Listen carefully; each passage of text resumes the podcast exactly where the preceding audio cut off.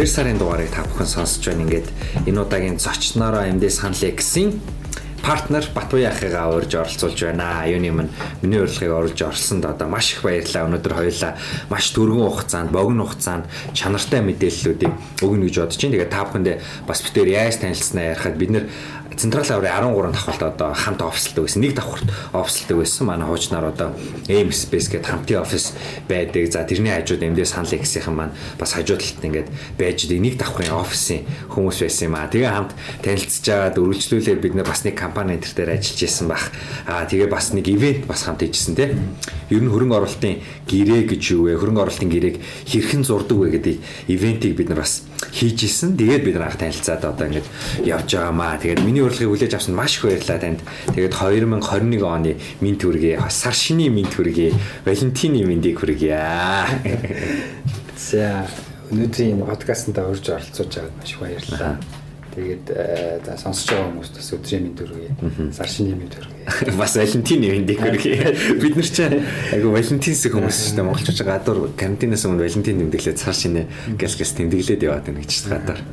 Хуульчдыг би ингэж төсөөлөд байдаг шүү дээ бат яхаа нөгөө нэг сют энтергийн кино байдаг шүү дээ тийм л кино шиг л төсөөлдөг шүү дээ та нар ч одоо яг амьдрал дээр яг тийм байд юм уу та нар ер нь хуульч хүний амьдрал амьдрал ер нь хэр вэ? Гоё юу? Амьдрал дээр зарим нэг тохиолдол тийм. Дангаа бол бас тийм биш тий. Зөв хуулийн за тэр кинон дээр гардаг шиг жишээ нэгээд гоё гаргалгаа гаргаал ингээд хуурлууд нарт оролцоо. Тим тохиолдол мэдээж байгаа. Аа тэгвэл дийлэхтэй бол энэ чинь нөгөө хуулийн дагуу хуулийн дагуу цаа тэг бичих цаасны ажил бодох ажил тий. Өсвөл гоё кино тий. Гоё кино. Та үздэг юм? Э, ер нь үздэг. Сүүлд би бас нөгөө нэг тэр тэгтээ хууль гэхээс илүүтэйгээр бас илүү жоохон юу талтай л та. Кино талтай л та, акшн кино талтай, акшн ч гэсээ драма кино талтай. How to get away with murder гэдэг нөгөө хэдэн хуульчид хүүхдүүд, хуулийн ангийн хүүхдүүд тэгээ нөгөө нэг хүмүүн нухаад ингээд тэгээ тэргээ зогсол зогсол яардаг тийм гэнэ баг. Тэгээ тэн дээр би яг хуулиар сурах бүр ямар гоё юм бэ л гэж бас бодож ирсэн. Сүдийг би бас үзчихсэн. Гэтэ бүр бүтэн биш. Тэгээ хуулийн юм хүмүүс надад айгу гоё харагдаад тийм корпорат те. Гоё юмны гаргалгааг болол тэгээ санагдаад байдаг. Би бол таныг дэгжил төсөөлдөг ажиллаа ихтэй. Тэгээ өнөөдөр битэрийн ярмаар байгаа ярих сэдв нь болохоор ер нь хөрөнгө оруулалтын гэрээ. Ялангуяа стартапын хөрөнгө оруулалтын гэрээ.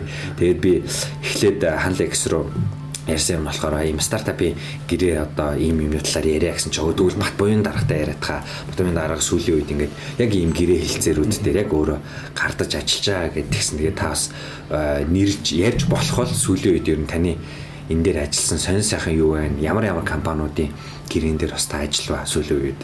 За ерөнхийдөө бол компаниудын хөрөнгө оруулалт санхүүжилттэй холбоотой. За тэгээд өдөр тутмын үйл ажиллагаатай холбоотой.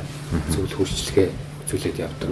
Бидний хувьд бол жишээ нь за стартапуудаас гэх юм бол хамгийн сүүлийн үеийн а одоо бас явж байгаа хөрөнгө оруулалтын хөрөнгө оруулалттай холбоотой ажлууд гэх юм бол эргэсэн хуулийн үйлчлэгээ бас үзүүлж байна. За бид нар бас технологийн компаниуд ер нь зөвхөн стартап гэж за мэдээж одоо анх гарсан үеэс нь стартап гэж хэлж болох байх л та. Технологийн компаниудтай бас хамтарч ажилладаг, хуулийн зөвлөх хөшлөгөө үзүүлж ажилладаг.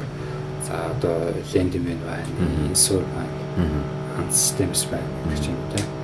Тэгээд зүгээр дараагийн төслийг хэрэгжүүлэх гэж байгаа. Технологитой холбоотой, хөрөнгө оруулалттай холбоотой төслийг хэрэгжүүлэх гэж байгаа бас хүмүүс бид нартай хамтарч ажиллаад явж байгаа. Тэгээд энэ бол нөгөө дараагийн шатанд гэх юм уу тэр тохиолдолд мэдээлэл ярьж болох бах тий. Тэр гой мэдээнүүдийг танахаас одоо тэгж дуулахаар танах сайхан гэрээг нь хордъё гэл тэгэл зарлалт нь штэ тий. Бид нар ч боломжлосараа нэг гэрээ хэлцээр яригдаал тэгэл гэрээ хөрөнгө оруулалт аваад тэрийгээ сайхан зарлал тэгээ тэр нь бас нөгөө стартапуудтай айгүй том уран болдог гоё мэдээ болдог. Тэгээ сүүлийн үедэд бол ихэнх ер нь миний мэдгээр шүү баримжаагаар бол ихэнх стартапуудын гэрээг бол танах хийж байгаа хаа. Яг юм олноор тоогоор ярих юм бол хамгийн олныг бол танах хийж авах гэж бодож байна. Тэгэхээр тэр утгаараа бас энэ тал дээр нэлийн туршлагатай гэдэг утгаараа бас өнөөдрийн яриаг үргэлжлүүлж байгаа шүү. За тэгээд яг ийм хуулийн фермтэй юм шиг ийм чиглэлээр подкаст хийнэ гэдэг иргэн тойронд ангил яриад явсан байхгүй. Тэгэхээр ер нь яг юу асуумаар байна гэл Ярангуут ялангуяа юм хууль эрх зүйн юм дээр тийм инспирац центр гэхээсээ илүүтэйгээр тий энэ сэдв дээр инспирэшн өгөөл чи чаднаа чи ингээд үнхээр хийж чадах юм бол чи гэрээгээ хийж чадна гэдэг ийм мотивашнаас илүүтэйгээр зүгээр яг тус тас хийсэн асуултууд айгүй эрэхтэй байдаг тий яагаад гэвэл энэ ч одоо хууль эрх зүйн яригдчих байгаа асуудал байна. Тэгэхээр яг харахгүй танаас тийм асуултуудыг төлөхөө асууад явъя гэж бодож байна. Хүмүүс ч гэсэн надаас яг ийм юм асуугаад өгөөрэй гэж хүссэн. Хамгийн ихний асуулт нь ер нь яг ийм компани хизээ байгуулагдах хэвээр ялангуяа стартап дээр би түрүүн түрүүн ойлаа нөгөө яриа суучсан компани аж ахуй нэгж Монголд аж ахуй нэгж болно гэдэг маань өөрөө бас бид нар тодорхойлохтой айгүй амархан гэж ярьдаг. Тэр ч утгаараа хүмүүс маш хурдан компани байгуулцдаг. А тэгсэн чи зарим хүмүүс нь болохоор юм хийгээл байгаа мөртлөө компани байгуулахгүй яваал гэдэг бүр хөрөнгө оруулалт баг аван автлаа яваад байдаг. Тэгээ компани компаниар ч гэрээ ихээр өө за одоо компани байгуулъя гэдэг хүмүүс ч гэсэн байдаг. Тэгэхээр таны бодлоор ер нь хуульч хүний зүгт ялангуяа юм компани бүтцтэй байгууллагатай ажилладаг хүний хувьд хизээ санаа гарсан цагаас юм уу бараа бүтээгдэхүүн хийж эхэлсэн цагаас юм уу хизээ компани бид нар байгуулах ёстой юм бэ? Аж ахуй нэгж болох ёстой. За ер нь бол ингээд э, цаашдаа одоо тухайн төслөө хэрэгжүүлээд одоо амжилтанд хүрнэ л гэж бодож байгаа мэдээж тэгж хэрэгжүүлж эхэлж байгаа юм байна. Тэр үесээ бол компани өсгөн байгуулах асуудал байгуулад явах хэрэгтэй. Яг тэгэхээр тэр хүн одоо хөдөлмөрөө оруулж байгаа үнцийг бий болгож байгаа. За магадгүй оюуны өмч бит бус хөрөнгө бий болгож байгаа. Тэр бүх юм чи одоо компани дээр үнцийг үсээд явах хэрэгтэй. Тэгжиж одоо чинь дараагийн шатны хөрөнгө оруулалтанд компани үнэлгээч үнэлгээг тогтооход энэ чинь бас нэмэр болсон те. А нөгөө талаас а төслөө хизээ хэрэгжүүлэх гэдэгт за шууд компани үүсгэн байгуулад байгуулах ёстой гэж үзсэн төсөл хэрэгжүүлэх гэсэн үеэсээ компани байгуулах зүгээр тийм байгуулаад явчих болно. Аа тэгвэл байгуулахтаа бол жишээ нь ганцаараа байгуулж байгаа бол магадгүй ямар нэгэн байдлаар зүгээр одоо энгийн байдлаар ч юм уу байгуулчих болно тийм тэрийг хойжмог өөрчлөөд явчих болно. Аа ганц нэг компани гэдэг утгаар аа хамтран үүсгэн байгуулагч нартай байгуулж байгаа тохиолдолд бол байгуулахаас өмнөх нөгөө нөхцөлөдлүүдэд тодорхой болгох хэрэгтэй. Тохиролцоонууд. Тодорхой болгох хэрэгтэй. Тэр яг миний дараагийн асуулт байсан юм. Буюу хоёр хүн ингээ компани ихэнхдээ бид нар хоёр хүн ингээ компани байгуулдаг. А тэгээд бас нэг ажиглагддаг дүр зураг нь юу гэхээр нэг хүн компани байгуулсан байдаг. 100 компани өөрөө эзэмссэн байдаг. Тэмүүтээ хамтран хүмүүс хамгаалж хайгаа яваад байдаг.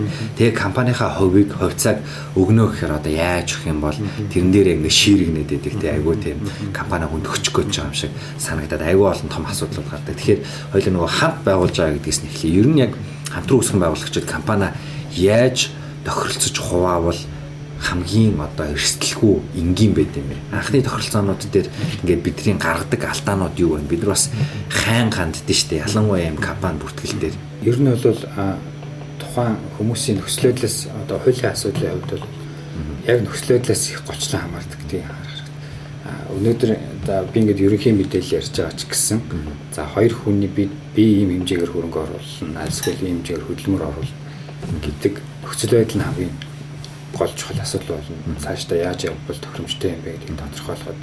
А зүгээр э, ерөнхийдөө бол хамтран үүсгэн байгуулагч нар байгуулж байгаа бол магадгүй тэр хүний хөдөлмөрч байд юм уу, ур чадварч байд юм уу, тэрийг оруулах компанид оруулах зорилготой хамтарч байгаа бах та. Тэгэхээр тэр хөрөнгө оруулалтаа, тэр ур чадвараа авьяасаа хөдөлмөрөө яаж оруулах юм бэ гэдэг юм а эхлээд тодорхой хэрэгтэй. Компани дээр тэдэн хувийн хувьцаа эзэмших юм байна. А гэхдээ Тэр нь бол магадгүй одоо эхний ээлжинд магадгүй нэг 10% хавцаа эзэмшиж болно. А гэхдээ хөрөнгөө оруулаад хөдөлмөрөө оруулаад явж байгаа нөхцөлд компанийн яг ажилд төсөлд тэдэн цаг зарцуулж байгаа нөхцөлд тэдэн хувийн хавцаа авах хэрэг үсэд явна гэдэг ингээд тэрийгэ баталгаажуулж явах хэрэгтэй болж байгаа. Яг тэгэхээр анханасаа шууд ингээд за чи 50% эзэмш би 50% эзэмшье гэдэг явах юм бол дараа нь өөрөө тэр хүмүүс ажиллаа хийхгүй бол яах юм. Үр дүнд хүрэхгүй бол яах юм. А замын дундаасаа нөгөө үр төслөөр ажиллах хэрэгтэй болов яах юм те. Тэр бүх тохиолдлууд чинь нөгөө тодорхойгүй асуудал магаан үсэд явчих учраас анхнаасаа энэ хүн тэдэн хувийн хувьцаа эзэмшиж болно. Гэхдээ хувь оролцоогоо оролцоогоороо тэр хувьцааны эзэмших хэрэг чинь баталгаажаад байв шүү гэдэг тохиролцоогоо үүсгэн байгуулах үедээ хийчих хүснэ. Тэр нь одоо юун дээр тусгад гэхээр компани дүрм гэж байгаа. За хувьцаа эзэмшигчдийн гэрээ гэж байгуулдаг. Гэрээнтэй бас зааж өгөх хэрэгтэй асуудал хоорондын нэрээ тийм. Монгол улсын та ер нь юу гэж боддог вэ? Монгол улсын компани дүрм гэж байгаа шүү дээ. Ерөнхий дүрм, дүрм журам. Энэ маань өөрөө ер нь хэр танд таалагддаг вэ? Яг хөөлч хүний зүгээс хэр дажгүй вэ ер нь бус улс орнуудтай харьцуулахад ч юм уу эсвэл юм компани үүсгэн байгуулад явхад хэр юм алдаа их вэ? Эсвэл боломж их вэ гэдэг ч юм уу. Ер нь ямар хуу дүрэн бэ? Компани тухай хууль манай улсад бол компани тухай хуулиар энэ харилцааг дийлэнтэй зохицуулна. Гол одоо хууль нь компани тухай хууль байгаа. За компани тухай хуулиар бол ерөнхийдөө нийтлэг асуудлуудыг зохицуулаад явж байгаа. А ямар хүрээнд одоо компани компанийн хариуцлага гэж юу юм, хувьцаа эзэмшил гэж юу юм, удирдлага зохион байгуулалтын яаж явах гэдэг ч юм уу, үүсгэн байгуулалт яах гэх мэт нийтлэг асуудлыг бол хуулиар зохицуулж байгаа. За яг наривчлсан холбоотой асуудлуудыг бол тухайн одоо үүсгэн байгуулж байгаа юм шиг юм уу, хөрөнгө оруулагч хувьцаа эзэмшигч компани хоорондын асуудлууд компаниг дүрмээр зохицуулж байгаа. Компани дүрм бол нэг ясны тухайн компани хувьд бол нэг ангинер бол хууль гэх юм да тий. Дотоод хууль. Дотоод хууль гэсэн үг болж таарч байгаа тий. Тэгэхээр тэр дүрм а нөгөө талаараа тэр байгуулж байгаа гэрээ эднэрээр л компанитай холбоотой бүх наривчлсан асуудлуудаа зохицуулж явдаг. Тэгэхээр үүсгэн болгох хоорондын гэрээ гэж байх хэвээр. А дээрэс нь компани Тэр нь компани одоо дүрмээс компани доторх дүрмээс ондоо юу? Ондоо өөр. Аа үүсгэн байгуулах дүрм за үүсгэн байгуулагч гэлтгүй зөв. Ер нь компани дүрм гэдэг бол тухайн компани яаж яг удирдлага зохион байгуулалт нь юу юм хувьцаа эзэмшил нь ямар байх юм гэдэг ч юм уу те. За тэгээд үйл ажиллагаа бүтэц зохион байгуулалт төлөөлөл удирдах зөвлөл байдаг юм гүйцэтгэх удирдлагын бүр ирэх нь юу юм? Компани татан буулгах тохиолдолд яах юм? Юм хувьцаа гаргах нэгдэх нийлэх тохиолдолд яах юм гэдэг ч юм уу гэдэг ерөнхий асуудлуудаа зохицуулдаг. А компани хувьцаа эзэмшигчдийн гэрээг хоорондын байгуулж байгаа гэрээгээр бол за чи ямар үүрэг хүлээх юм? Хувьцаа эзэмшигчийн хувьд. А тэгээд удирдлага зохион байгуулалтанд хувьцаа эзэмшигчийн хувьар яаж оролцох юм а жишээ нь одоо төлөөлөл дээр дах зөвлөлийг томилох дээр ямар байдлаар оролцох юм одоо тэр компани удирдлагад одоо төлөөллөө яаж оролцуулах юм гэдэг ч юм тийм асуудлуудыг зохицуулдаг. А гэхдээ тодорхой хэмжээнд бол компани дүүрэн болон хувьцаа эзэмшлийн гэрээний заалтууд нь тодорхой хэмжээнд давхцаж идэг. Одоо нэг асуудлыг зааж идэг. Яагаад тэгэхээр тэр чинь нэг компани л зохион байгуулалтын асуудал учраас тодорхой хэмжээнд давхцаж идэг. А компани тухай хуулиар бол манай Монгол улсын компани тухай хуулиар бол компани дүрмд өөрөөр зааж болох тохиолдол байдаг. Одоо санаа нь бол компани гэдэг чинь өөрөө тусдаа нэг нэгж байгууллага гэдэг утгаараа үүсгэн байгуулагч байгаа хүмүүс үүрэг хариуцлага хүлээж байгаа гэдэг утгаараа бизнесийн харилцаа гэдэг утгаараа өргөнтэй. Тэр утгаараа альва асуудлыг хууль зааснаас өөр хэмжээнд наривчлаад хөрцөөд боломжийг бас олгодог гэсэн. Нөгөө аж ахуй нэгж компани гэдэг ХХК гэдэг бүтээц ба шүү дээ. Энэ энэ бүтэц бий болсноороо яг юм бизнес ертөнцид амар том шинжилэлт ер нь хүний амьдрал ингээд асар том шинжилэлт авчирсан гэж ярьдэн шүү дээ. Энэ дээр бас таны бас бодол юу гэдэг ямар давуу талуудыг гаргаж ирсэн. Компани гэдэг за хязгаарлагдмал хариуцлагатай компани шин тий. Компани яагаад үүсгэн байгуулж байна гэхэлэр тухайн нэг одоо төсөлч байд юм уу ажлыг хэрэгжүүлэх хүрээнд Тэгээд тэрнтэй холбоотойгоор цаашдын явцад хувь хүмүүсийн ашиг сонирхлыг нэгтгэж зохицуулж байгаа асуудалтай. А тэгвэл энэний гол зорилго үндсаач одоо нэг одоо гол ач холбогдол бол компани хүлээж байгаа хариуцлагыг хувьцаа эзэмшигч гэдэг хувь хүн хариуцахгүй. А хүний хүлээж байгаа үүрэг хариуцлагыг компани гэдэг тусдаа хууль идэхэд хариуцахгүй. Яагаад тэгэхээр хүний нэг үүрэг хариуцлага асуудал тусдаа, компани үүрэг хариуцлага асуудал тусдаа гэж ингэж хоёр салгаж байгаа.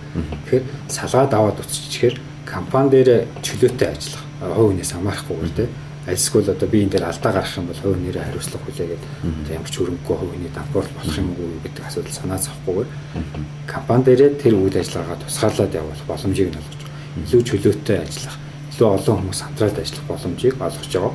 Гэхдээ хувь хүн тэр одоо компани бий болсон асуудал дээр хүн өөрөө хариуцлага хүлээхгүйгээр компани хариуцлага хүлээгээд компанид оруулсан хөрөнгөөрөө хариуцлага хүлээгээд байдаг ийм ажлууд байна. А зүгээр нэг анхаарах ёстой юм байдаг нь компани тухай хуулиар хувь хүн болон компани зааг ялгаа ялгагдахгүй болцсон. Одоо жишээ нь хөрөнгө оруулалтч бай, санхүүч бай, үйл ажиллагаач бай ерөөсө хувь хүнээсээ тусгаар биш болцсон харагдаад тэрийг нь ялгахад одоо асуудалтай өндөрлөлтэй байх юм бол компани хариуцлагыг хувь хүн хүлээдэг. Тийм асуудал байгаа гэсэн. Яг тэгэхээр тэр хүн одоо нөгөө компани ажиллаж байгаа хувьд тодорхой хэмжээнд үүрэг ажиллах хүлээгээд явж байгаа ч гэсэн компани бүх юм нь одоо хувь хүн өөрөө болцсон байгаа нөхцөл хөрөнгө оруулалтанд ч байт юм уу. Тэгээд тэр компанид оруулж байгаа авж байгаа ногдлаа шиг гэдэг юмуд нь ч гэсэн шат яг ингээд хуулийнхаа дагуу явж байгаа биш. Ингээд холилдчихсан тийм хин нь одоо үгүй хүлээгээд байгаа хөв нэрээ ч юм уу компаниараа ч юм гэдгийг тодорхойгүй болсон байгаа нөхцөл. Тэр бол хөв нэрийн хөв хүний хөрөнгө рүү хувийн хариуцлага руу халддаг асуудал нэрж болж байгаа. Айгуу том алдаа баг тий. Тэр бол нөгөө компани хувьцаа гэж ярьж байгаа шүү дээ тий. Хувьцаа гэхээр энгийн хувьцаа гэж ярьдаг тий. Энэ дээрээ энгийн хувьцааг ер нь анх компани бүртгүүлэхэд чинь компани болгон юм хувьцаа гаргадаг. Хувьцаагүй ч байж болдог лөө. Бас хувьцаа заавал байх байх хэрэгтэй лөө. Аа тэгэнгүүт тоог нь бол бид нар өөрсдөө сонгодог шүү дээ. Тоог нь өөрсдөө сонгоод тэгээд мөнгөн нүгэн нас өөрсдөө сонгодог. Тэгэхээр тэрийг ер нь яаж тавиул бас ер нь ирээдүйдээ ирээдүйдээ хөрөнгө оруулалт аваад стартап гэдэг үднээсээ стартап ер нь яаж тэр тоог тавиул зүгээр байдаг таны үднээс хууль зүйн үднээс яг хөө ихтэй гараад байдаг асуудал нөгөө нэг зарим нь дуусчаад байдаг. Сквал хитрхи бага үнэтэй ч байт юм уу? Болчоод байдаг. Сквал хитрхи өндөр үнэтэй болчоод байдаг. Тэгэхээр ямархуу байдлаар яаж тавиул тэр ирээдүйдээ тажгүй байт юм бэ? Компани хувьцааг. Хувь нийлэлсэн хөрөнгө гэж байгаа компани одоо нэрссэн хувьцааны нийт үнэлгээ гэр хувь нийлсэн хөрөнгө бүрдэж байгаа тийм Тэгэхээр хувь нийлүүлсэн хөрөнгийн хэмжээнд бол хуулиар доод хязгаар гэж тавихгүй. Шинэ одоо 100000 төгрөгийн нийлсэн хөрөнгөтэй 100000 төгрөгийн нийлсэн хөрөнгөтэй компани байгуулж болно. Тэрнээс дээш ч байж болно. За хувьцааны тоо хэмжээний тухайд бас хязгаарлалт байхгүй байгаа. Тэгэхээр одоо жишээ нэг 100 хувьцаатай шүү дээ юм 10 хувьцаатай гэдэг цөөн тооны хувьцааны тоо хэмжээ тавьж болно. Гэхдээ хувьцаа чи өөрөө хуваагддаггүй учраас нэг хувьцаа л гэж явахаас биш 0.1 тэдэн хувьцаа 0.1 тэдэн хувьцаа гэж явах боломжгүй учраас одоо хувьцаагаа цааш нь одоо шилжүүлэх зарах ч байдаг тий жишээ нь ингээд өөр хүнд эзэмшүүлэх гэдэг тохиолдолд хувьцааны тоо хэмжээ хэд бага байх нь өөрөө тэрэн дээр хязгаарлалт болоод байдаг. Тэгэхээр бол хэд бага тоо хэмжээний хувьцаа өсгөн байгуулахдаа бол тавих нэг тохиромжтой бол биш байна. А яг хожим нь бол хувьцаа нэмж гаргаад хувьцааныхаа хуваагаад ч гэдэг юм хувьцааны тоош олон болгож болно чөлөөтэй. Тэгтээ анханасаа бол хит байх хэмжээний телефоноос тохиромжтой биш гэж. Тэгэхээр ер нь сайхан уужуу 50 50 гэдэг гэж. Тийм бол тохиромж боломж байна. Дараагийн нэг бас баахан ярьдаг асуулт нь буцаа эзэмшигч гэж байгаа. Компани буцаа эзэмшигч. За туц гэж байгаа төлөөлөл удирдах зөвлөл гэж байгаа. За тэгээд гүйцэтгэлийн баг гэж гүйцэтгэх гүйцэтгэх удирдлага гэж байна тий. Энэ гурван энэ бүтцэн ингээд ихэнх компаниуд дээр ялангуяа стартапууд дээр холилдсон байдаг л да холилдсон буюу захирал нь туз хувьцаа эзэмших гурлаа болцсон байдаг. Тэгэхээр та нөгөө компани байгуулахдаа одоо бид нар чинь компани байгуулаа эхнээсээ гоё цэгцтэй яваад тий дажгүй цэвэрхэн ингээд алдаагүй явж байгаад хөрөнгө оруулагч дээр очоод тэг хөрөнгө оруулалт авахд ингээд ямар нэгэн хуулийн бүтцийн алдаагүй байх ёстой шүү дээ тий муу зүйл байх ёсгүй тийм дээр алдаа гарах юм бол тэр нөр аюу хэцүү зүйл болно. Тэгэхээр юу н анханасаа энийг яаж зэгцтэй авч явах хэрэгтэй юм бэ? Хууль хэрэгцсэн хувьд юу ямархуу аваад явчвал илүү нөгөө нэг үүсгэн байгуулагч талдаа компани талдаа илүү өрөг өчтэй байд юм бэ? Бүтцийн хувьд. Хувьцаа эзэмшигчийн хувьд бол компани дээд удирдлага гэж байгаа. Одоо компани хувьцаатай холбоотой том асуудал. Одоо хамгийн тулцсан удирдлага гэсэн үг. Компани хувьцаатай холбоотой том асуудлыг шийдэх эрх хэмжээтэй этгээд гэсэн. За дараагийн удирдлага бол төлөөлөл удирдах зөвлөл гэж байна. Хувьцаа эзэмшигчтэй хурлын чөлөө цагт компани дээд удирдлагаа хэрэгжүүлнэ. Тэгэхээр төлөөлөл удирдах зөвлөл гэдэг чинь бол хувьцаа эзэмшигч буюу одоо компани эзний хувьд компанид удирдлагаа мэрэгжлийн одоо баг мэрэгжлийн хүмүүсээр удирдуулж байгаа асуудал. Аа тэгээд төлөөлөл удирдах зөвлөлийг бол эзэмшигчтэй хурлаас сонгодог. Төлөөлөл удирдах зөвлөлийг байгуулж байгаа бол харьцан мэрэгжлийн хүмүүстэй авах шаардлагатай. Тухайн одоо компани онцлогтой холбоотой тэр салбарыг хариуцдаг, мэддэг тийм хүмүүстэй явах нь илүү одоо мэрэгч компани мэрэгжлийн байх цааш шүү дээ өсөж дэвжих хэмжээнд бол нөлөөлнө. За төлөөлөл удирдах зөвлөлөөс бол гүйцэтгэх удирдлагыг сонгож байгаа. Төлж байгаа. За гүйцэтгэх удирдлага гэдэг бол компани өдөртмийн үйл ажиллагаа хариуцаад явна. А төлөөлөл удирдах зөвлөлийн өмнөд бол тайлангатай байдаг үйл ажиллагаагаа тайлагнаад явна гэсэн үг. Тэгээд төлөөлөл удирдах зөвлөлийн хувьд мэрэгжлийн байх ёстойгоос гадна төлөөлөл удирдах зөвлөл дээр явуулах үйл ажиллагааны тодорхой хэмжээний бодлогын баримтчгүүд байх ёстой. Төлөөлөл удирдах зөвлөлийн үйл ажиллагааны журам гэж байх ёстой. Үйл ажиллагааны хязгаар тий тэр нь болохоор жоох тий тууз яаж ажиллах юм бэ гэдэг талаар нэвшлээ заасан гэсэн. Аа тэрнээс гадна одоо сонирхлын зөрчилтэй хэлцлийг зохицуулах байд юм уу те харилцаанаас хамаарат нэр өвчлсөн журмууд гаргаж явдаг. За стартапын хувьд бол төдийлэн тийм түгээмэл биш үйл ажиллагааны одоо тийм нэр хвчилсэн баримтчгүйтэй байх мэдээллийн түгээн бол биш. Гэхдээ одоо компани засаглалын хувьд илүү нэг урьдчилаад гарах нөхцөл юмнууд нь тодорхой байх юм бол тэр нэг алдаагүй ажиллахад хэрэгтэй тийм. Тэр утгаараа бол тэр баримтчгууд байх нь зүйтэй гэж. Аа тэгээд төрөний хилдэг энэ гурван төлөөллийн харилцаа чинь бие биенээ нэг хүн байгаад ах шиг байна гэдэг асуулт хэлсэн гэж байна шүү дээ тийм. Гэхдээ гүйцэтгэх удирдлагыг чинь бол төлөөлөл удирдах зөвлөлд үйл ажиллагаа тайлгнаж байгаа нөхцөл. За төлөөлөл удирдах зөвлөлийн гишүүн гүйцэтгэх удирдлага байж болно. Гэхдээ төлөөлөл удирдах зөвлөлийн дарга нь байж болдоггүй. Аа за яагаад тэгэхээр өөрөө өөртөө хариуцлагатай оцож болохгүй өөрөө өөрийгөө хэмж чадахгүй тийм. Тэр утгаараа бол удирдах зөвлөл гүйцэтгэх удирдлагыг хэмж байгаа гэдэг утгаараа өөрчлөлттэй байх нь бол дарга нь байхыг бол хариулдаг, гишүүн байж болдог. Гэхдээ бол хяналт тэнцвэртэй байх гэдэг утгаараа бол мэрэгжлийн өөр хүмүүс байх нь илүү тохиромжтой. Тэгэхээр заавал нэг өөр хүн төлөөлөл өдөртөх зөвлөл байгуулсан бол зарим нь бол хуцгүй явчихдээ шүү дээ тий. Тий байж болно. Байгуулсан бол тэр нь заавал чамаас гүйцэтгэх удирдлагаас өөр хүн байх хэрэгтэй. Хозоо нэмшигч бол хамаагүй шүү дээ тий. Тий хозоо нэмшигч бол өөрөө бас гүйцэтгэх төлөөлөл өдөртөх зөвлөл сууж болно. Гэхдээ илүү мэрэгжлийн байх шаардлагатай одоо энэ салбарыг мэддэг хүн байх шаардлагатай гэж байгаа бол мэрэгжлийн хүмүүсээ томилоод ажиллаулдаг тий. Зүг зүг. За одоо нөгөө стартап хөрөнгө оруулагч тал руугаа хоёлаа би ингээл ороод яваалаа л та. Ер нь яг та энэ салбарт бол яг нэг 8 жил ажиллаж байгаа гэж түрүү надад хэлжсэн. Хизэнээс эхэлж яг энэ стартап болон стартап нэршлэн стартап шүү. Энжил хөрөнгө оруулагч гэж нэрлэж байгаа та. Энэ хоёрын харилцаа маань ер нь таны бодлоос хэдэн жилийн өмнөөс эхэлв. Тэгээд таны бодлоор ер нь энэ хоёр ингээд цогцоод Монголд яваад ах юм шиг байна уу? Болоод ах юм шиг байна уу? Хэр хөгжиж байна энэ хоёрын харилцаа. Та яг дунд нь нөгөө нэг ажлыг хийж байгаа. Гэрийг нь хийж байгаа хүний хувьд энэ харилцаа чинь компанид хөрөнгө оруулдаг харилцаа бол угаасаа байсан. Байсан харилцаа тий. А нэг онцлогтой асуудал нь бол стартап компани. Тэгээд тэрнтэй холбоотой хөрөнгө оруулагчийн зүгээс хүлээдэг хүлээлт байна тий. Стартапуудын зүгээс бас хөрөнгө оруулагчтай өгдөг амлалт байна тий. Энэ асуудлыг л өөрөө түрүүний ярьдаг тэр баримтчгууд ярил харивчлал зохицуулаад явах хэрэгтэй асуудал байна. А түүнээс биш стартапын асуудал гэдэг утгаар нь бол манай хууль дээр ингээд заах хэрэгтэй маа гэдэг чинь тусдаа залтуул байхгүй шүү дээ тий. Тийм асуудал бол биш. А яг энэ салбарын онцлог гэдэг утгаар нь компани нөгөө тохиролцоо хийж байгаа талууд нь баримтчигтэй тусгаад явдаг. Компани дөрвөндөө тусгаад явдаг юм байх хэрэгтэй. Тэгэд стартапууд хөрөнгө оруулагч нартай энжил хөрөнгө оруулагч стартап гэж хоёулаа яриад явж бодож байна. Энэ хоёртой ингээд харьцаад та сүүлийн нэг 2 3 жил явж байгаа билгүй дээ. Нэг удааг бах. Ингээд харьцаад явхад одоо хоёлаа салгаад ярих юм бол ер нь яг стартап талдаач та орж исэн баг хууль талдаа. А хөрөнгө оруулагч талдаа бас их ихтэй явдаг байх гэж бодож шинэ ханлыг гэсэн. Тэгэхээр стартап талдаа яг ийм хөрөнгө оруулалтын гэрээ хилцээр ирсэн үед бичиг баримтууд нэрээд хийх гээд байгаа үед алтаанууд амарх гардаг те. Ер нь ингээл за энийгээс цацаа тэр тэргээс цацаа тэр энэ болохгүй байна. Оюуны юм чи юмнууд бас амарх гардаг байх. Ялангуяа стартапууд дээр нэг хэцүү юм нөгөө нэг ирээдүйд олох ашигын одоо үнэлэмж гэж нэг юм байна шүү дээ тий ирээдүйд нэг бүтээгдэхүүн гаргацсан байдаг тэр нь одоо ингэ шал мяа байдаг тий үнэлэгдэхгүй тэгээд байдаг тэгсэн чинь хөрөнгө оруулалт аваад бодоо олоход одоо ингэ ирээдүйд эдний хөрөнгөний ашиг олох нь мэддэхгүй юм нөхцөл байдал шүү дээ тэгэхээр энэ дээр ер нь стартапуудын гаргадаг алдаа нь юу вэ тэрийг та бүгд ингэ баг нэг нэгэнгүй ингэ бид нарт тоочод штэ хөө. Ийм ийм юмаа засах хэрэгтэй. Тим тим юмнуудаа сайжруулах хэрэгтэй гэдэг ч юм уу. Тим юм байна уу? Ер нь зүгээр хөрөнгө оруулалтаас өмнө тодорхой хэмжээнд бэлтгэх шаардлагатай гэсэн үг л дээ. Одоо за компани байгуулахдаа бол нэг одоо юу гэдгийг нэг загвар ашиглаад байгуулчихсан нэг хамгийн энгийн төрөн баримтчигтэй дээр байгаа бах те. Байдаг тохиолдол их байдаг.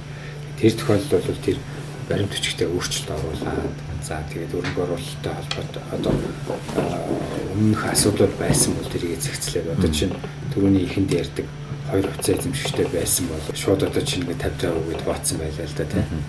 Гэхдээ яг тэр өргөн оруулалтын өмнөх шатанд бол тэр асуудлаа яаж шийдэх юм бэ? Нөгөө хоёр хүн чинь оролцоо оролцоогоор байх юм бол оролцоогоор байх хэвээр ирээдүйд хувьцаа эзэмшил нь ингэж баталгаажаад явна гэдэг юм аа. Оруулалт авахаасаа өмнө шийдчих хэвээр тийм. Дотроо очроо олцсон байх хэвээр а нөгөө талаасаа тэр компани баримт бичиг баримт бичгүүдэд өөрчлөлтөө оруулчихсан байх хэрэгтэй. Арай илүү боловсронгуй болгоцсон байх хэрэгтэй. Хөрөнгө оруулагч орж ирэх тохиолдолд компани яаж ямар гэрээ хэлцлээ байгуулад явах юм. Тэгэхээр тэрэн дээр хувьцаа эзэмшил хөрөнгө оруулагчийн нөлөө ямар байх юм гэдэг юмудаа бодолцоод компани баримт бичгүүдэд тодорхой хэмжээний өөрчлөлт. А нөгөө хөрөнгө оруулагч орж ирсний дараа бол мэдээж хүч баримтууд дахиад өөрчлөгдөн. Гэхдээ тэр бэлтгэх үүднээс бас хитрхи энгийн байгаа. Одоо ирээдүйд компанитай холбоотой гарч болох асуудлыг зохицуулж чадахгүй байгаа тэр дүрэн баримтч байгаа бол тэрийг яалтаа өөрчилж хэрэгтэй. Аа тэгээд ерөн зүгээр ингээд өөрчилж шинэ гэдэг чинь хөрөнгө оруулалтад өөрөө бэлэн байх. Одоо тухайн үедээ хөрөнгө оруулалт авах гээд хилцээр хийгээд явж илаа гэхэд танаа энэ асуудал чи өөрөө их эрсдэлтэй юм байна штэ гэдэг асуудал тавигдлаа гэж бодоход нөгөө хөрөнгө оруулалтын хилцээр чинь бас муугаар нөлөөлж болно тийм. Тэгэхээр хөрөнгө оруулалтын хилцээр хийхээсээ өмнө асуудал баримтч юмдууд янзлчих юм бол дараагийн тэр хөрөнгө оруулалт амжилттай болгох чинь ч гэсэн бас тодорхой хэмжээний нөлөөтэй байгаа гэсэн. Бидний ер нь гаргадаг хамгийн их хэн дээр алдаа юу вэ? Дутуу юм байдаг юмнууд нь жишээ. Хөрөнгө оруулалтын баримтчиг дээр стартапууд ингээд дандаа нийтлэг нэг тийм дутуу барьж ирдэг юмнууд байна уу? Шийдэггүй юм байна. Ер нь зүгээр нийтлэг хөрөнгө оруулагчтайгаа яриа хэлцээр хийхээс өмнө байгуулчихсан байгаа бан дээр баримтчиг гэдэг юмудаа харахлаа дандаа л зүгээр нэг загвараар байгуулчихсан. Тэгээд тэр нь одоо хөрөнгө оруулалт авах тохиолдолд шийдвэр эдгээр юмудаа яаж гаргах юм хамтран үүсгэн байгуулагч нар нь цаашдаа ер нь ямар оролцоотой байх юм. Тэгээд одоо дараагийн хөрөнгө оруулалт эдгээр авах тохиолдолд асуудлуудаа яаж шийдэх вэ гэдэг юм тодорхойгүй байгаа даа гэсэн үг л дээ. Тэгээд одоо компани удирдлагын бүтэц эдгээр юмуд нь бас тодорхой байх хэрэгтэй тийм. Удирдлагын бүтэц нь компанид мэдээж чөлөөлөл удирдах зөвлөлтөй байгаа нөхцөл. За жишээ нь тэр бүтцийг одоо одоо байгаа офиц эзэмшигчнэр ингээд яаж томилох уу гэдэг юм компани дүрмдээ заасан байдаг. А гэтэл шинэ хөрөнгө оруулагч орж ирж байгаа нөхцөл нөгөө хөрөнгө оруулагчдын баримтч юм уу хуучин хөрөнгө оруулагч эзэмшигч нартай зөрчил үүсгэхэргүй байх хэрэгтэй шүү дээ. Тэр юмудаа чийдсэн тодорхой болгоцсон байх хэрэгтэй гэсэн. Зүгээр асуудалтай юм гэх юм бол төрөний хэлдэг анх үүсгэн байгуулсан хүмүүс нь хоорондоо одоо ямар хавцаа эзэмшил яаж явах юм гэдэг юм а тохиролцоогүй байгаад дараагийн хөрөнгө оруулагч ороод компани үндсэн үлгээд тодорхой хэмжээнд өсөөд явна те.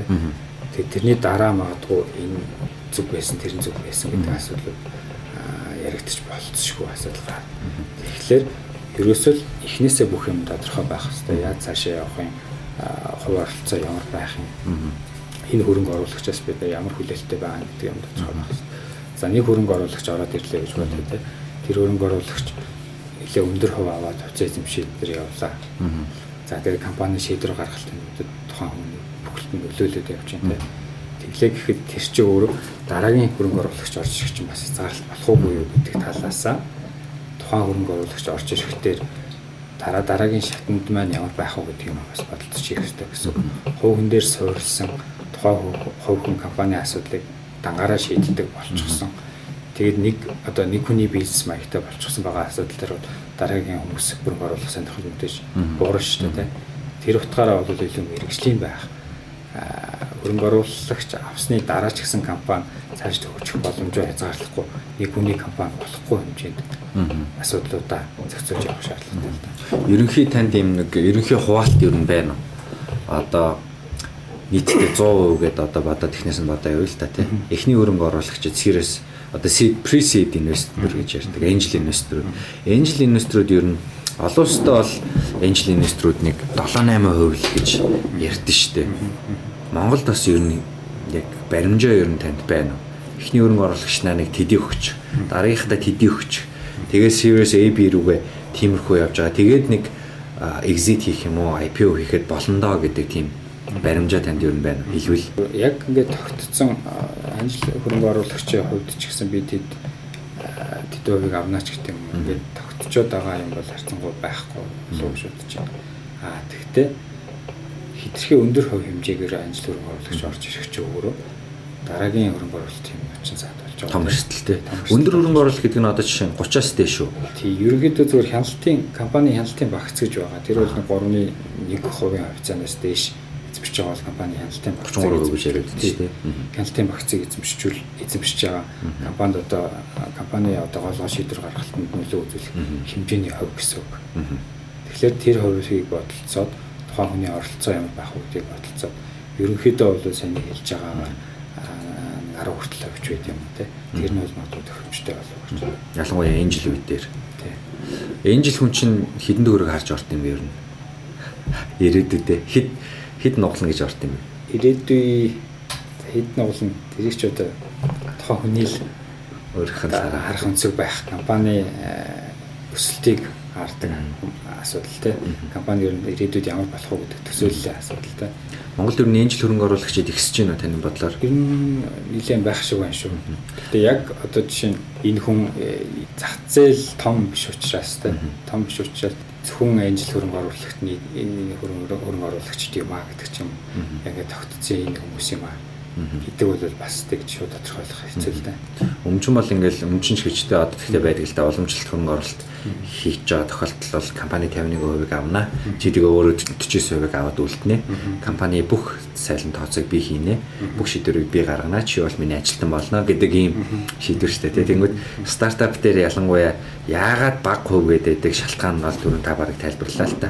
Шийдвэр гаргах гэдэг зүйл чи өөрөө үүсгэн байгуулагч гэдэг хүнээсээ хязгаарлал ингээд холдоод эхлэхээр нөгөө нэг анх гарч исэн гой санаанууд нь байхгүй болчихдог л доо тийм.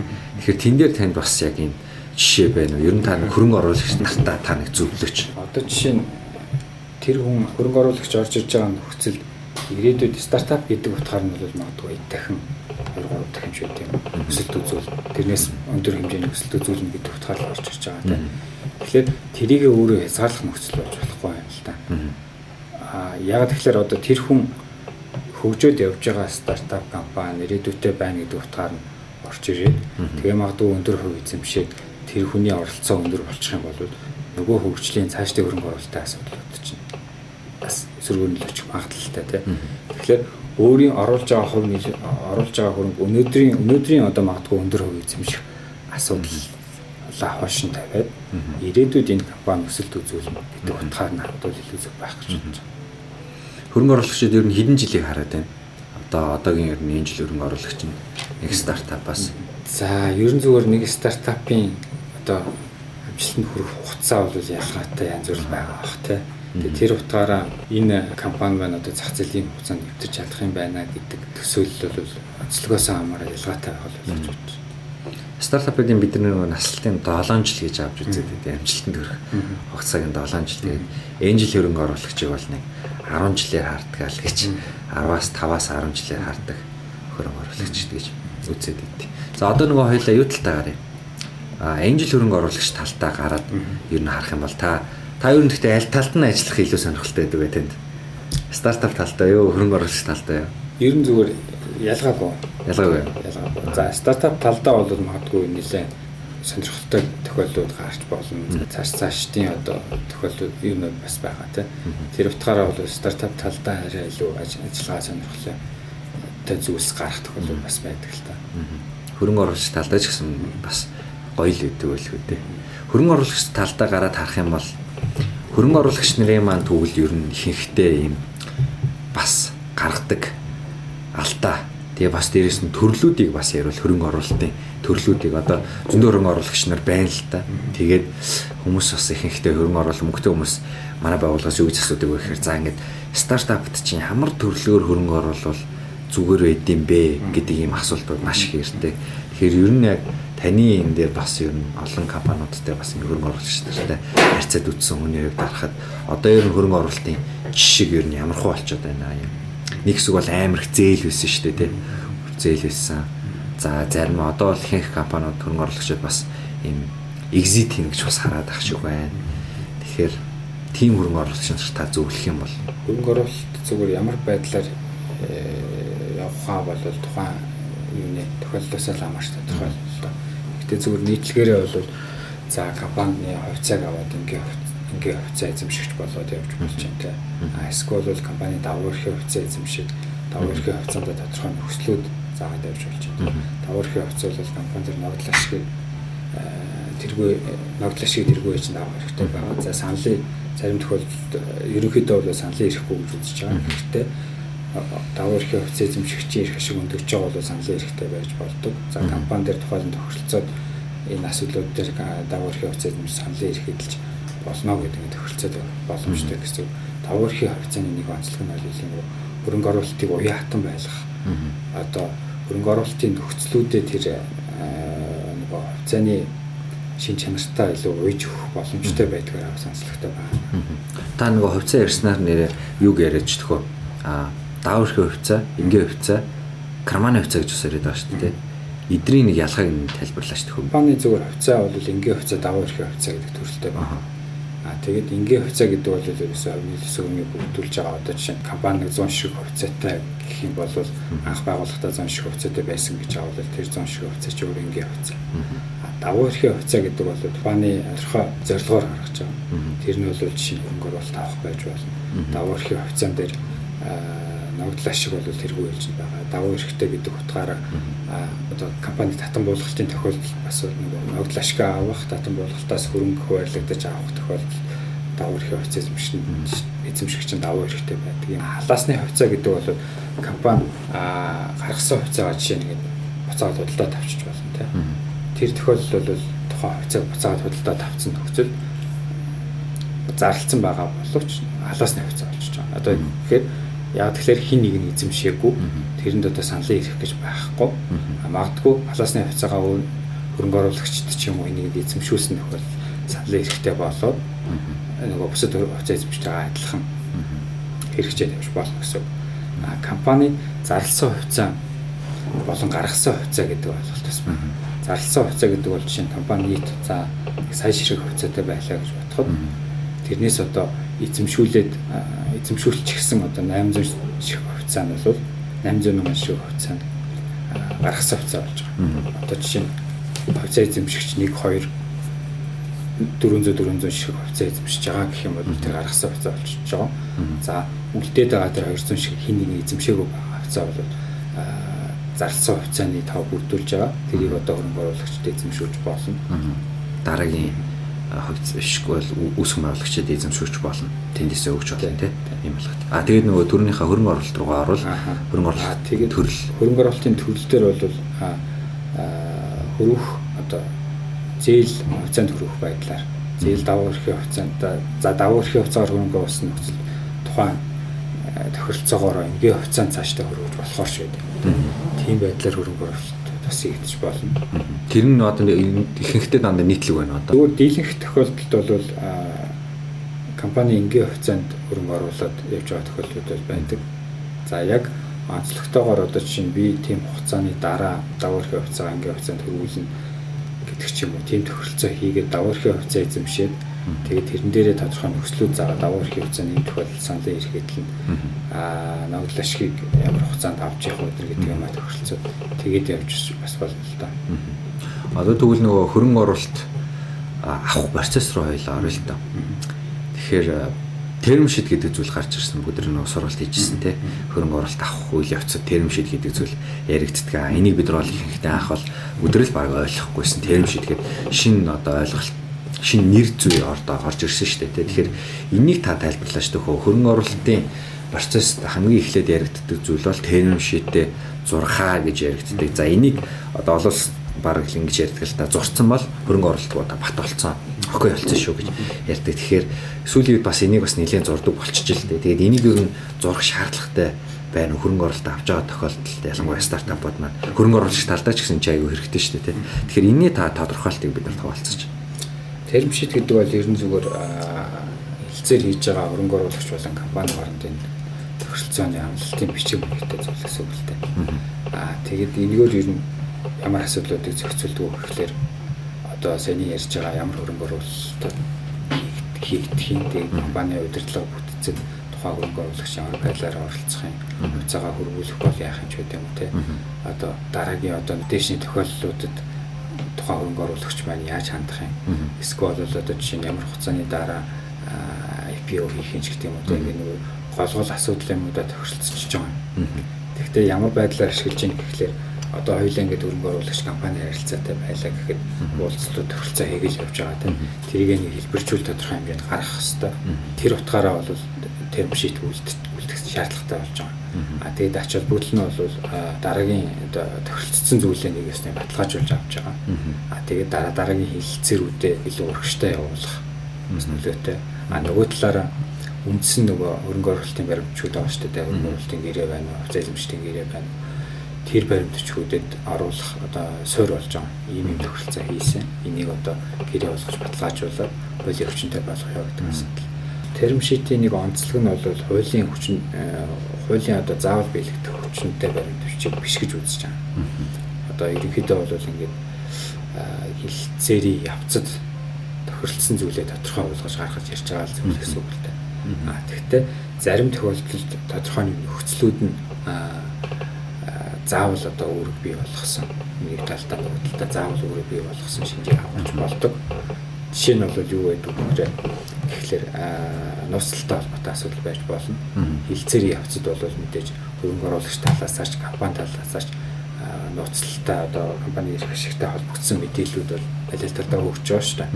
Тэгэхээр энэ мэдээллийг бол нууцлана гэдэг тохиролцоо бол терм шитээр хийгдэж болно. За тэгээд энэ хөрөнгө оруулалтын хилцээр хийхтэй холбоотой тодорхой хэмжээний зардлууд ч байдаг юм уу тийм санхүүжилт нэр санхүүжилт шүү. Зардлууд гарч байна. Зардлыг ин хариуцах гэдэг ч юм уу. Тэмхүү тохиролцоо хийгээд тэрийг бол заавал биелүүлэх хүчтэй байна гэдэг ингээд заачиж болно гэсэн. Тэгээд одоо жишээ нь за терм шит зурчаад тэг хөрөнгө оруулалт хийгдэхээ болиё гэж бодъё л да. Тэр тохиолдолд бол хоёр тал нууцлаа хадгалах ёстой. Одоо нэг хөрөнгө оруулагчийн зүгээс ч гэсэн компани мэдээллүүдийг авсан гэдэг утгаараа нууцлаа хамгаалах ёстой. Тэр утгаараа бол терм шитээр тэр мэдээллийн нууцлыг хадгалах үүргийг аль аль тал хүлээсэн гэж бодож бас болно гэсэн. Аа тэгээд терм шитээ үйлдчихсэн нөхцөлд бол тэр хөрөнгө оруулалтын хилцээр ерөөхдөө гол тохиролцоонуудынхаа үр дүнд хүрсэн гэж ойлгож байна. Гол тохиролцоонуудаа баталгаажуулаад гаргаад ирсэн. Одоо тэрийгээ дараагийн шатнд нь баримт бичиг болгон заавал хүчнтэй баримт бичиг болгон аль аль талдаа өөр бий болгож байгаа баримт бичиг болгон гэсэн.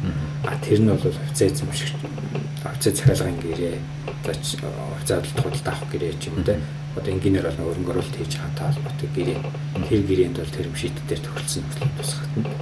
За компани дүрм офицер эзэмшигчдийн гэрээн дээр бас тэр хөрөнгө оруулагчтай хийсэн тохиролцоонууд бас наривчлан зохицуулалтад явна гэсэн. Тэрм шидийг яг тэрм шид гэдэг нэрээр нь бичээд явчих болох уу ер нь? Зүгээр ер нь бол болно. За Монгол дээр бол яг энийг бол ингэж ойлгоно гэдэг тохиролцоо тогтчихсон юм бол бас харахад тогтоогүй байх шиг байна. Зүгээр тохиролцооны бичигч байт юм уу? Амлалтын андгаа. Тохиролцооны бичиг гэдэг утгаар нь бол явж болно. Гэхдээ зүгээр эргэлзээ үүсэхгүй байх үнээс тэрм шидгээд явцсан ч л байна. Тэрм шидийг ер нь ихэнхдээ одоо стартап зурж байна? Өөр компаниуд ч гэсэн ингээд бас зурдаг болчихжоо. Ер нь бол хөрөнгө оруулалт хийгдэж байгаа тохиолдлууд дээр ер нь нийтлэгээр зур. Үнэн зурдаг байсан гэхдээ? Өөр нь бол их ер нь бол их түгээмэл биш байсан. Аа. Сайхнаас л гарч ирж байгаа. Сайхнаас гарч. Окей. Дараагийнх нь асуулт нь болохоор оюуны өмчтэй бас холбоотой асуудал яригдчихээн. Тэгэхээр энэ дээр бол нэг хууль хуулийн өмчтэй бидний одоо ялангуяа стартапууд дээр оюуны өмч гэдэг аягүй томор хөндтгөлтөө хөндтгдөлтөө тэгэхээр яг Монголд бас яг энэ оюуны өмчийн хууль эрх зүйн бас бүр утгаараа бас хэр ажиллаж байгаа юм шиг байна таны бодлоор. Яг тань дээр ирж байгаа стартапуудын хувьд энэ оюуны өмч авцсан тохиолдлууд ер нь байна уу? Ихэнхдээ бид нар бас аваагүй тохиолдлуудыг би маш их мэднэ л да оюуны өмч аваагүй тохиолдлууд байдаг. Тэгэхээр яг хууль зүйн тал дээр өөрийнхөө санаагаа яаж өмчилж хадгалж авч үлдэж байна манай стартап. За оюуны өмчийн хувьд л ер нь тойрогсон үеэсээ тухайн оюуны өмч хамгаалагдах хэрэгтэй. Эхэлсэн үеэс гэсэн үг. Одоо зохиосон үеэс. Зохиосон үеэс. Заавал одоо бүртгэжиж хамгаалагдана гэсэн үг бол биш. Тэгэхээр зохиосон үеэс оюуны өмч хамгаалагдана. За оюуны өмчийн бүртгэл хийлгүүлж байгаа шалтгаан бол тэрийг баталгаажуулж байгаа. За нөгөө талаараа ийм хэмжээний оюуны өмчтэй гэдгийг магадгүй компани үндсэн нүүлгээтэй холбоотой асуудал те. Нөгөө талаараа өрөнгө оруулалт авах хэрэгтэй холбоотой асуудал учраас тэрийг бол бүртгүүлж баталгаажуулж байгаа асуудал. Аа тэгээд аа ер нь стартап компани хувьд оюуны өмч байгаа. Гин одоо жишээ нь хоёр хүн хамтраад явж байгаа тохиолдол нэг програм ч гэдэг юм систем гаргасан тохиолдол тэрийг нэг тухайн хүн дээр бүртгүүлчихсэн, хувийн хамаатай болчихсон тийм тохиолдол бас байгаад байдаг юм. Тэгэхээр яг одоо үнцийг үүсгэж байгаа гэдэг утгаараа компани үнэлгээ бий болгож байгаа гэдэг утгаараа компани дээр байх нь компани тэрийг ашиглах онцгой хэрэгтэй байх нь тохиромжтой. Илүү ашигтай гэсэн үг тийм. Оюуны өмчийнх нь хэрхэн компани дээр аж ахуй нэгж дээр байвал илүү зүгээр. Бид нар надад хувь хүн дээр авчдаг. За хувь хүн дээр авсан нөхцөлд бол компанитай одоо жишээ тусгай лицензийн гэрээ хийж болно. Тэр нь бол жишээ нь компанийн хугацааны оюуны өмчийг ийм байдлаар ашиглана. Тэр одоо оюуны өмч ашигласны хураам шиг юм гэдэг ч юм. Тийм байдлаар одоо урт хугацаатай урт хугацаатай гэрээ байгуулаад тэгээд тэрийг одоо баталгаатай болох хүнээс зөвхөн одоо компани ашигласан өөр этгээд ашиглахгүй ч байдаг. Тэр өөр өрсөлдөх үйл ажиллагаанд ашиглагдахгүй ч байдаг. онцгой нөхцөл заагаад тэрийг оруулж болно. оруулж болно. Тэгээд нэг ясны одоо компанид тэр оюуны өмчийн үнцнийг үүсгэхэд тусгай тийм тусгай нөхцөлтэй гэрээ байгуулж болно гэсэн. Хөрөнгө оруулагч нар ийм өсөлтгөлтэй а миний асуух гэдэг нь хөрөнгө оруулагчид ер нь стартапуудаас яг гэрээ зурхтаа юу юу шаардж байна гэж би баг асуух гэдэг байхгүй. Чи наацхийн одоо оюуны өмчөө бүртгүүлнэ гэдэг ийм зүйлийг хүсдэг.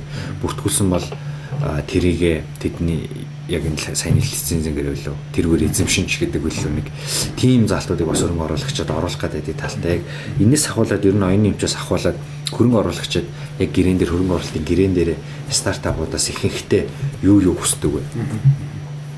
За оюуны өмчийг бол мэдээж яг компани дээр байгаа юу, компани тэрийг ашиглах онцгой эрх байгаа юу гэдгүйсэнтэй. А нөгөө талаас компани үйл ажиллагаа чинь өөрөө яг одоо ингэ явуулах гэдэг үндсэн үйл ажиллагаа чинь хууль хуулийн хүрээнд ч гэдэг юм уу тийм. Эсвэл бодит байдал дээр хэрэгжих боломжтой юм гэдэг асуудал. За айхтар одоо ингэ том санаа гараад те тэрийг одоо ингэж хэрэгжүүлээд явна гэдэгтэй. Гэтэл бол нөгөөх нь Монгол улсад зөвшөөрөгдөхгүй үйл ажиллагаа байж болно те. Эсвэл бол одоо тэр нь одоо зөвшөөрөл авахын тулд эсвэл үйл ажиллагаа явуулахын тулд нэлээд одоо өндөр хэмжээний хүчин чармаас шаардлагатай. Тэгэхээр тэр амжилт олохгүй байх магадлалтай тэр зөвхөлдүүд хөнгө оруулагчийн хувьд ч эрсдэл болчиход байгаа. Жишээ нь одоо шинэ ядаас бүтээгдэхүүн гаргаад ирлээ гэхэд тэрийг Монгол улсын хуулиар зөвшөөрөгдөж чинь үгүй. За явцын дундаа тэр одоо үйл ажиллагаа хууль нийцэхгүй байна гэдэг ч юм уу. Монгол зөвшөөрөгдөөгүй байна гэдээ хаагдах магадлал байна уу? Үйл нэгдэл үйл ажиллагааны одоо үйл ажиллагааг нь одоо нийцлийг харна гэх юм. Тим ажил хийгдэж байгаа. За нөгөө талаас компани дээр ер нь энэ компани өнөөдөр хүртэл үйл ажиллагаа явуулахдаа ер нь үйл ажиллагаа нь хэр зөв явсан бэ гэдэг талаас нь харна. Зөв гэдгийнх нь тодорхойлолтууд нь жишээ нь юу вэ? Компани одоо өөртөө юм уу? Тодорхой хин нэг этгээдийн өмнө үүрэг том хэмжээний үүрэг хүлээж гисэн асуудал байгаа юм уу? За тэгээд тэр одоо тэр эзэмшиж байгаа оюуны өмч нь яг компани ашиглах боломж нь байгаа юм уу?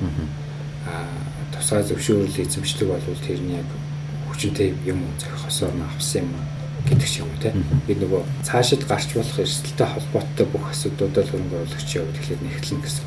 Тэр нь бол одоо due diligence буюу одоо нөгөө компани үйл ажиллагаанд л юу янам хадлага хийж байгаа гэсэн. Цаашид энэ компани дээр би ер нь ажиллаад ингээд хөрөнгө оруулаад явхад хэр эрсдэлтэй компани бэ? Болох компани болох компани гэдэг үйл ажиллагааны төрлөл шалгалт хийж байгаа асуудал. Тэгээд тэр бүх асуудлуудаа шалгаж үзээд нь тохиромжтой байна одоо энэ компани цааш үйл ажиллагаагаа явуулахад тодорхой хэмжээний эрсдлийн хувьд бол бага байна гэж үзэх юм бол хөрөнгө оруулалт их шийдвэр гарна те. Компаниуд одоо ер нь л бүх үйл ажиллагаанууд те хөрөнгө оруулалтын гэрээ байна уу бид нар нөгөө гэрээ амир хайдсан шүү дээ те. Тим гэрээний их сурвалжуудыг ер нь хаанаас яаж авал зүгээр байдیں۔ Эсвэл бүр яг ингээд хуульч хөлсөлдсөн нь зүгээр байд юм уу? Тэрийн болоор энэ компаниуд бид нар ч бүр стартапууд шүү дээ те их сурвалжуудаа материалуудыг хаанаас авал зүгээр юм бэ? Тийм шууд гэрээний загвар ашиглаад хөрөнгө оруулалт аваад хийгээд явчихна гэдэг бол тийм боломжийн хувьд л магадлал багтай л да. А зүгээр яг анх үүсгэн байгуулах тэр үедээ бол нөхцөл юмудаа тохиролцоод явж байгаа нөхцөлд тодорхой хэмжээний загвар ашиглаад энгийн загвар ашиглаад явж болно. Гэхдээ л нөгөө энэ урт хугацаанд анханасаа зөв хийхгүй бол дараа дараа чинь том эрсдлээс эхний ээлжинд одоо нэг хуульчаар магадгүй нэг бага хэмжээний зардалтай хийлгүүлчих боломжтой байсан асуудлаас зайлсхийснээс болов дараагийн том асуудалд очиод орчиж магадгүй л дээ. Тэгэхээр бол яг зөв хийхийн тулд хуульчдал хандах хэрэгтэй асуудал гэсэн. А зүгээр загвар ашиглаад шууд ингээд хийчлээ гэхэд тэр одоо хаана ямар юу оруулах юм юу хийсэн тохиолдолд эрслээ тодорхой хэмжээнд ямар төсөөлөлд оруулсан тохиолдолд эрслээ зарлах зарлахын бууруулахын гэдэг ч юм уу тэр юм хуулийн тодорхой хэмжээний мэдлэггүй бол тэрийг бас тооцоолоход хүндрэлтэй байна. Бидний ер нь яг компани байгуулахад ч байна уу? Хөрөнгө оруулалт хийхэд ч байна уу? Стартапуудтай та жишээ зөвлөлтөд бидний хамгийн их гаргадаг яг хууль зүйдээр гаргадаг алдаануудаас бас юу вэ? Тоочвол наацах юм хууль зүйдээр гаргадаг алдаа. Одоо хөдөлмөрийн гэрээ хийхдээ буруу идэх ч юм уу. Тим зүйлүүд ер нь танд ажиглагддаг уу? А зүгээр анхны хамгийн нийтлэг асуудал бол анх үүсгэн байгуулсан үедээ одоо загвараар ингээд байгуулчихсан. Тэгээд сүүлд нь одоо хөрөнгө оруулагч хоорондоо үүсгэн байгуулагч нар хоорондоо асуудал үүсээд байгаа тохиолдлууд л их түгээмэл байдаг. Яг тэгэхээр эн чинь нөгөө урт хугацааны харилцаа учраас анх л бол одоо жишээ чи тэдэ өв би тэдэ өв эзэмшнэ гэж оролцоод Тэгэнгүүтээ дундаасаа нэг нь орхио явчихдаг. Цаашид ажиллаа хийдэггүй тэг нөгөө төслөө хамтдаа ингээд бүтээгээд бий болгоод явна гэж хэлсэн юм уу одоо өөртөө хүрэхэ болоод ирт хоорондын зөрчил үүсээд эхэлдэг. Тийм тохиолдол бас их гардаг. Та энэ Монголын яг энэ компани тухай компани Монголд байгуулах тий. Тэгээ банкнд ингээл данс нэг ч юм бол ер нь бол айгүй амархан байдэн шүү дээ тий. Тэгэхээр 2011 оноос хойш энэ юу үйлчиж байгаа гэдгийг чинь аа яг стартапууд чинь ингээд цоошноор гарч ирж байгаа шин шин бараа бүтээгдэхүүнүүд гаргаж ирж байгаа шин шин үйлчлэгээнүүд танилцж байгаа. Тэгэхээр одоо хүртэл яг тийм нэг Монголын хуульд болох ч юм шиг болохгүй ч юм шиг тийм кейс бас гарч ирсэн үү? Ирж ивүү? Тэн дээр а хөрөнгө оруулалттай холбоотой хүрээнд бол зарим тохиолдолд нөгөө хилцэлтээрээ гэрэн дээрээ наривчлсан юм заагаад одоо яг манай хуулиар тодорхой зохицуулаагүй тохиролцоонууд эдгээр хийх тохиолдол байна л да. Тэгэхээр бол нөгөө хуулиар зохицуулаагүй хэдий ч бол нэгэн талаа да бизнесийн харилцаа гэдэг утгаараа хуулиар бүх асуудлыг зохицуулахгүй учраас зөвшөөрөгдөх ёстой. Нэгэн талаа яг тодорхой нэг хуулийн залт зөрчиж өгвөл байна шүү дээ. Зөрчиж өгвөл зөвшөөрөгдөх ёстой. Гэтэл бол зарим тохиолдолд тэрийг энийг бол одоо хуулиар ингээд зөвшөөрсөн асуудал биш юм байна гэдэг Манайд ийм юм хийгддэггүй ч гэдэг юм. Тийм тохиолдол гарах тохиолдол их бай. Тохиолдлууд байдаг. Аа нөгөө талаараа бас ер нь ингээд шинээр гарч ирж байгаа технологийн компани стартапуудын хүрээнд явуулж байгаа үйл ажиллагаа шинэлэг байгаа тийм. Мэдээж одоо стартап гэдэг утгаараа өөр мөц онцгой шинэлэг санаа гаргаж ирж байгаа учраас гарч ирж байгаа. Тэр утгаараа яг үйл ажиллагаа нь манай хуульд нийцсэн юм уу гэдэг ингээд шалгах дээр бас асуудал их гардаг. Хууль тогтоомж бол зүгээр ерөөхдөө л ингээл асуудлыг зохицуулж байгаа бүх асуудлыг хамарч чадахгүй ирээдүйн асуудлуудыг бас зохицуулж чадахгүй тийм. Гэхдээ аа яг тухайн компани ингээд нэг шийдэл гаргаад үйл ажиллагаа явуулаад ингээд одоо хэрэглэгчдэл нэг хэлбэр шийдэл санд болгож байгаа шүү дээ. Хаана газар тэр хүн тэр бүр шим авах хэмжээний шийдэл санд болгож байгаа. Хүнд хэрэгтэй юм яаж. Тэр утгаараа ингээд үйл ажиллагаа явуулах гэхлээр хуулийн тодорхойгүй асуудлуудын хүрээнд зөвшөөрөгдөөгүй байна гэдэг чинь. Энэ бол ингээд зөвхөн энэ л байдлаар хийхийг зөвшөөрд юм аа. Түүнээс биш одоо ийм шийдэл санд болгохыг одоо чинь дунд нь ийм зурчлалын үйл ажиллагаагаар ингээд энийг технологижуулчих юм боломжийг бол ойлоо зөвшөөрөөгүй маа гэдэг чинь. Тийм асуудлаас гарах тохиол байдаг. Одоо наацх нөгөө UB cabin жишээ явах тий. Нөгөө халтууранд явах. Тэгээ тэр чинь бол нөгөө нэг такси үйлчлэгээ гэдэг утгаар нь авч үзчихээр бол үйл ажиллагаа явуулж байгаа гэдэг рүү оруулчих гээд байгаа шүү дээ. Тийм. Тэгэхээр хөвгөн нөгөө нэг тэрний аппликейшнийг нөгөө талаас жолооч гэж ороод таксинд явж болохгүй гэдэг үйл юутай шүү дээ тий. Нөгөө талаасаа бол манай зүгээр уян хатан хуулийн хүрээнд уян хатан ойлгох юм бол тэрийг тодорхой хэмжээнд хязгаарлаагүй юм а гэдэг байдлаар ойлгох нөхцөл боломж нь бол бас байгаа. Хэрэглээний асуудал гэсэн үг байна. Энд дээр бол ингээд компани үйл ажиллагаа гэдэг утгаар нь зөвшөөрч байгаа юм байна. Нөгөө талаараа бол энэ чөлөө зах зээл гэдэг утгаараа хариулсан юм байхгүй байна гэх юм бол зах зээлийг дэмжих үүднээс тэр зөвшөөрөх л асуудалтай.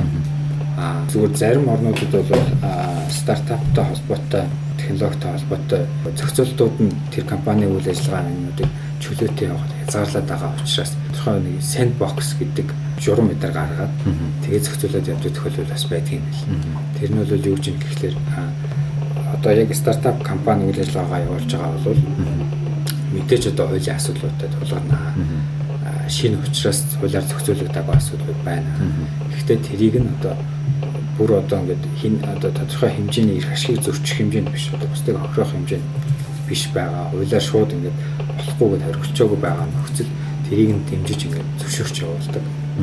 Аа тэгээд тодорхой хугацаанд энийг хэлбэржиж тогтох хүртэл зах зээл дээр тэр нөгөө зохицуулт хийхин тулд чинь ямар нэгэн нөгөө харилцаанаас чинь болохгүй болохгүй болж байгаа гэдгийг нь харах хэрэгтэй тийм.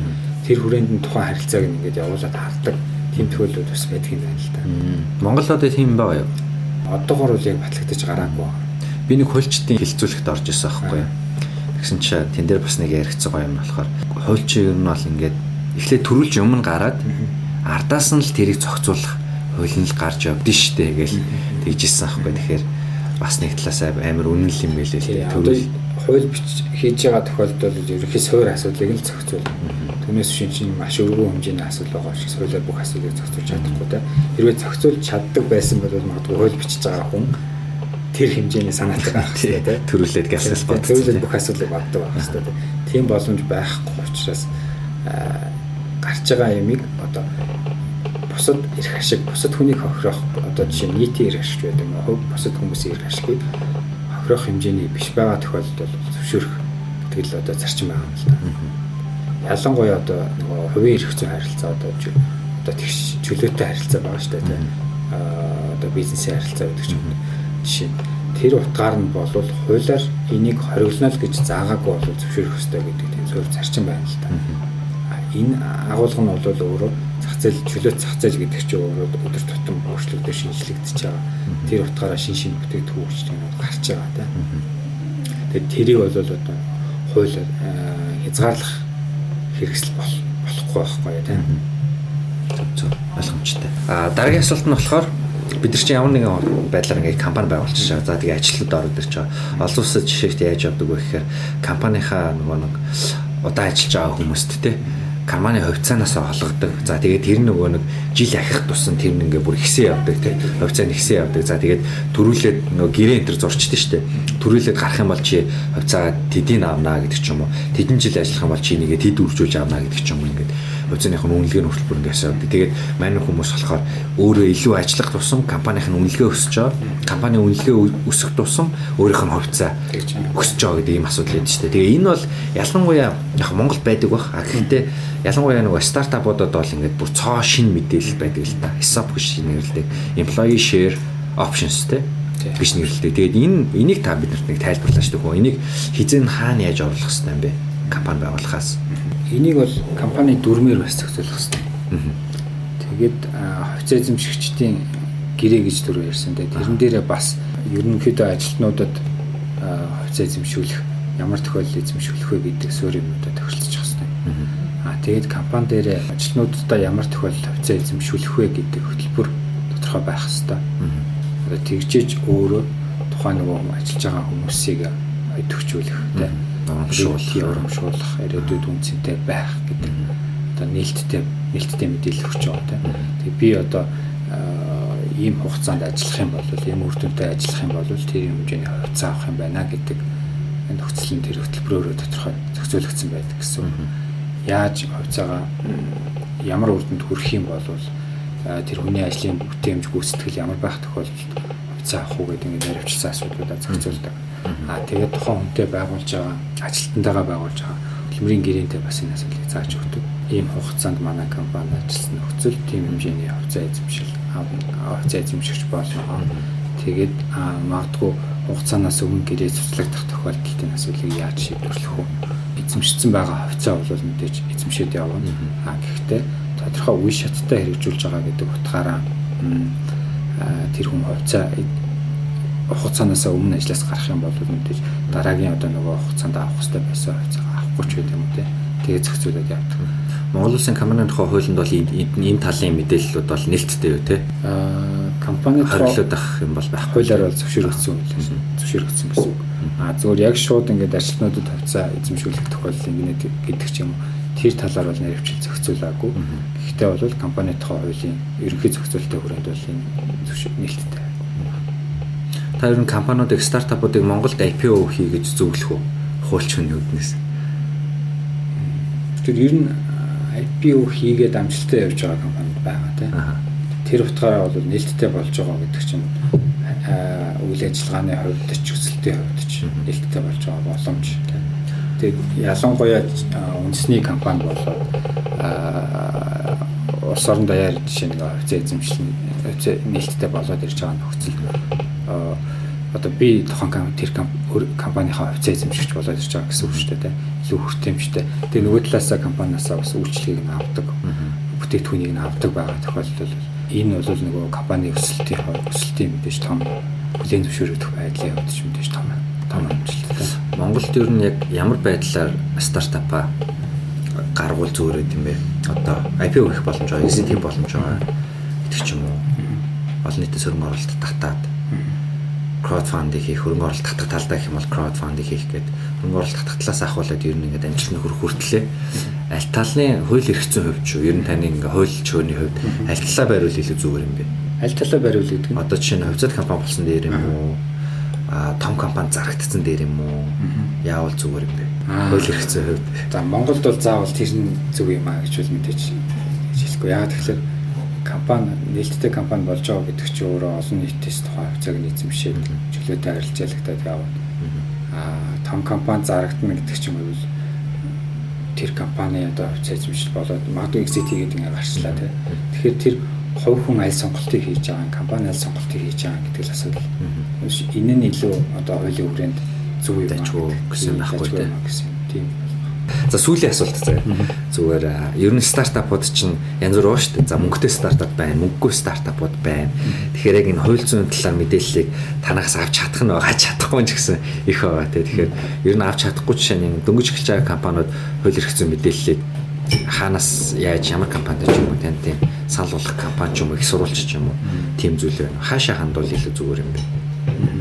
Дөнгөж эхэлж байгаа компаниуд. За хүртээмжтэй оюулын үйлчлэгийг ер нь зүгээр хүртээмжтэй байлгах хүрээнд бол бид нар технологи ашиглаад одоо цахим байдлаар оюулын үйлчлэг үзүүлэхийг зориод iGRI гэдэг систем оюулын технологи систем хийсэн байж байгаа. Тэрэн дээр бол одоогийн байдлаар хөдөлмөрийн эрх зүйн асуудлаар баримт хүчиг гэрээ юмудаа ухсраад авдаг мэдээлэл оруулаад.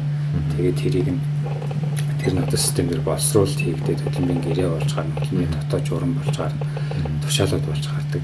Тэдгээр нь одоо нэг хүний оруулсан мэдээлэл хоорондоо уялдаатай ингээд гарч ирж байгаа. Аа ерөнхийдөө бол ингээд автоматар баримт бичигч боловсруулагдаж гарч байна гэсэн үг. Тэгэхээр энэ утгаараа бид нар бол энийг яах гэж хийсэн бэ гэхлээр хүртээмжтэй болох, хуулийн хүчлэг илүү хүртээмжтэй болох, хэлбэр болох гэж зорж байгаа. Тэгэхээр аа яг одоо ингээд шинээр гарч ирж байгаа за хуульчид очиод үйлчлэгээ авахд санхүүгийн хувьд ч гэсэн одоо боломж бага байгаа. Тэр тохиолдолд илүү одоо юу нэр хямд үгээр санал болгож байгаа тийм үйлчлэгээ гаргаад байгаа. За нөгөө талаасаа бид нар одоо ай гэрэн дээр компани хэрэгцээ баримтчгууд нэмэн а тэр нь одоо нэг хэрэглэгч ороод компани үүсгэн байгуулах мэдээлэл оруулаад компани үүсгэн байгуулах бүх баримтчгаа гаргаад авч болно. Тэр тохиолдолд бол одоо зөвхөн одоо шаардлагатай мэдээллүүдээ л өгнө. Хүний оролцоогүйгээр ингээд компани үүсгэн байгуулах ч гэдэг юм. Альсгүй хувьцаа эзэмшигчний гэдэг хасагдах баримтчгууд босруулалт гарах нэмэлтүүд бас хийгдээд явж байгаа. Тэгэхээр энэ бол бид нар зах зээлийн үнээс, хуульчийн үнээс маш хэд дахин бага хэмжээгээр зарим үйлчлэгийг санд болгож байгаа. Зарим гэрээ эдэр юм бол манай системд өнгөө байж байгаа. Тэгэхээр тэндээс бол ороод танилцаад ашиглаад явах боломж бол байгаа. А нөгөө талаараа бид нар бол бас хуулийн фирм гэдэг утгаараа бануудад хэрэгтэй мэдээлэл юмнууд зөвлөгөө анхаарах шаардлагатай зүйлсийн талаар юмнуудыг бол тогтмол юм үргээд ажиллахыг зорж байгаа.